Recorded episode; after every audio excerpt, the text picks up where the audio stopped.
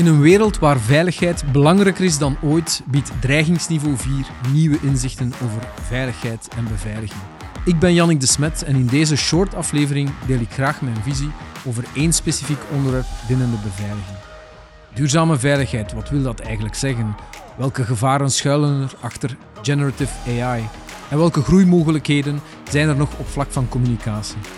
Ik deel mijn inzichten graag met jou. Of je nu een beveiligingsprofessional bent die graag voorop wil blijven lopen of gewoon geïnteresseerd bent in de fascinerende wereld van beveiliging, dreigingsniveau 4 is voor jou. Deze podcast wordt gesponsord door GeForce. Beste luisteraars, in deze aflevering wil ik het over het gebruik van generative AI in de veiligheid hebben. En om dat onderwerp aan te snijden, uh, heb ik een drietal aandachtspunten. Een eerste rond de gevaren van het gebruik van generative AI in de security. Een tweede van hoe je het best AI dan gaat gebruiken in de security. En ten derde een drietal voorbeelden van het gebruik van AI in de security. Het gebruik van generative AI, zoals bijvoorbeeld ChatGPT of BART bij Google of um, AI, Microsoft AI bij, bij Microsoft, zit hem vooral in een drietal punten. In eerste instantie de vertrouwelijkheid. Wat je goed moet beseffen als je AI gebruikt, is dat de chatbox niet vertrouwelijk is. Een chatbox is een blackbox. En zo staat het overigens ook in de algemene voorwaarden van ChatGPT, waar uitdrukkelijk vermeld staat dat op geen enkele manier de vertrouwelijkheid wordt gegarandeerd van de informatie die je gaat toevertrouwen aan de chatbox. De chatbox gebruikt ook overigens zelf die informatie om zelf intelligenter te worden. Hoe moet je dat dan gaan beschouwen? Je moet het eigenlijk, je moet de chatbox beschouwen als een soort assistent. Een externe assistent aan jouw onderneming of aan jouw activiteiten, waar je eigenlijk ook niet alles tegen zegt. Zeker niet persoonlijke dingen, die hou je voor jezelf. Echt uh, ruzie met jouw echtgenote of uh, jouw loonsberekening. Maar ook vertrouwelijke informatie van jouw onderneming ga je niet toevertrouwen aan een chatbox. Wat je dan beter doet, is, het, is die gegevens allemaal anonimiseren. Deze gegevens anoniem maken, waardoor dat je wel informatie uit de chatbox ontvangt, maar de chatbox niet kan weten waarover het gaat.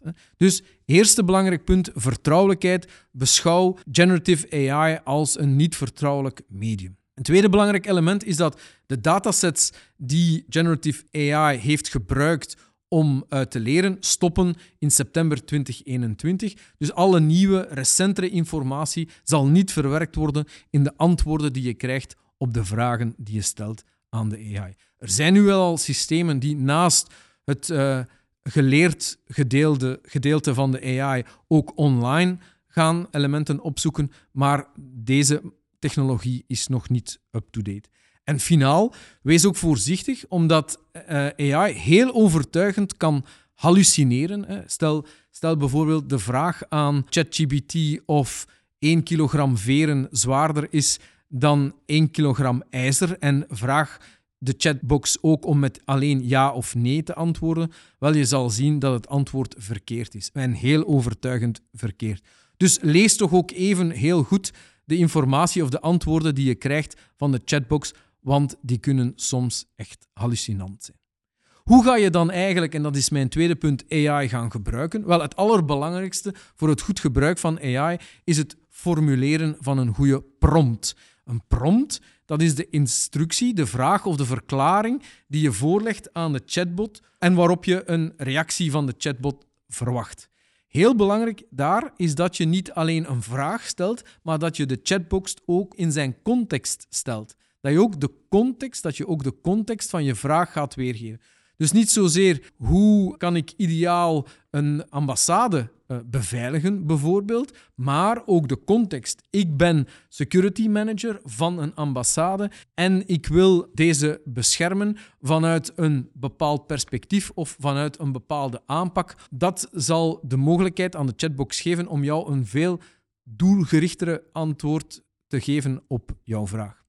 En finaal wil ik toch ook nog wel een aantal voorbeelden geven van situaties waar wij, rekening houdende met gevaren in zaken vertrouwelijkheid, gebruik maken van AI. En een eerste gekend en, en goed werkend voorbeeld is het identificeren en analyseren van bedreigingen. Je kan heel makkelijk aan ChatGPT de vraag stellen als eventorganisator of als security verantwoordelijke.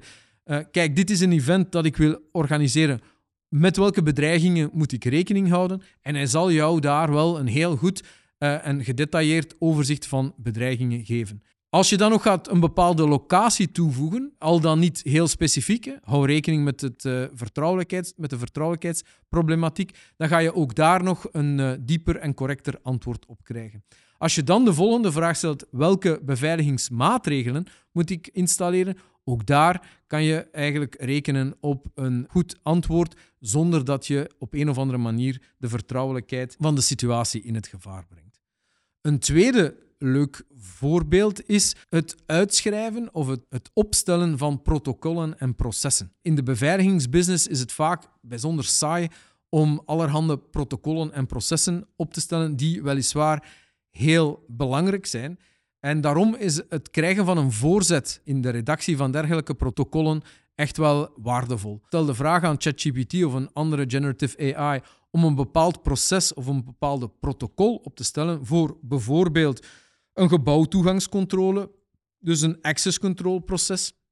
Wel, daarvoor is ChatGPT heel goed en hij zal jou een mooie proces uittekenen, rekening houdende met de verschillende soorten bezoekers, de toegangen die zij moeten krijgen en dergelijke meer. Dus ook voor saaie standaard oefeningen is ChatGPT een goede basis waarop je dan vervolgens kan verder werken het, ook het verwerken van heel veel informatie, van grote hoeveelheden informatie, om deze informatie of samenvatten of om bepaalde aandachtspunten in die informatie te vinden, is ook een, een, een sterke vaardigheid van die generative AI. Je kan bijvoorbeeld uh, incidentrapporten copy-pasten in AI en vragen dat je er een samenvatting van krijgt om een rapportering op te stellen. Of je kan bepaalde lange teksten in ChatGPT importeren en hen vragen hoeveel bepaalde woorden voorkomen of, uh, welke, of, of een bepaald woord überhaupt voorkomt, zonder dat je de volledige te teksten gaat moeten lezen. Opnieuw, hou wel rekening met de vertrouwelijkheidsproblematiek en van zodra dat je dus informatie gaat opladen in de ChatGPT, uh, is de informatie niet meer vertrouwelijk, dus je moet ze anonimiseren. En finaal, het was een klein experimentje dat ik gedaan heb. Ik moest in kader van een ontmoeting met een, uh, gekend persoon, wou ik een profiel weten. Wat voor een man is dit nu? Wel, wat heb ik gedaan? Op YouTube heb ik een aantal filmpjes van die man gevonden. Ik heb de transcripts van die filmpjes gedownload, geüpload in ChatGPT en ChatGPT gevraagd om een profiel van die man op te stellen. En wonder bij wonder is daar een heel mooi profiel uitgekomen, waarbij ik eigenlijk ook aan ChatGPT de vraag kon stellen van op basis van al die transcripts, hoe kan ik best deze man overtuigen of hoe kan ik best mijn boodschap aan deze man meegeven? En ChatGPT heeft mij daar een aantal goede tips gegeven.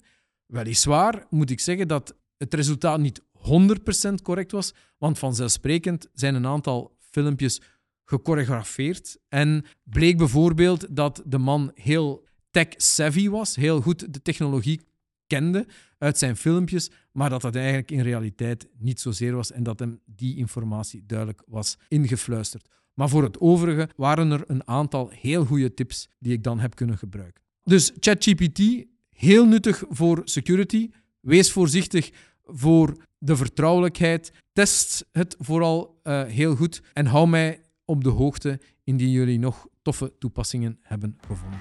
Alvast bedankt. Fijn dat je naar deze short aflevering van Dreigingsniveau 4 luisterde. Deze podcast wordt gesponsord door G4S.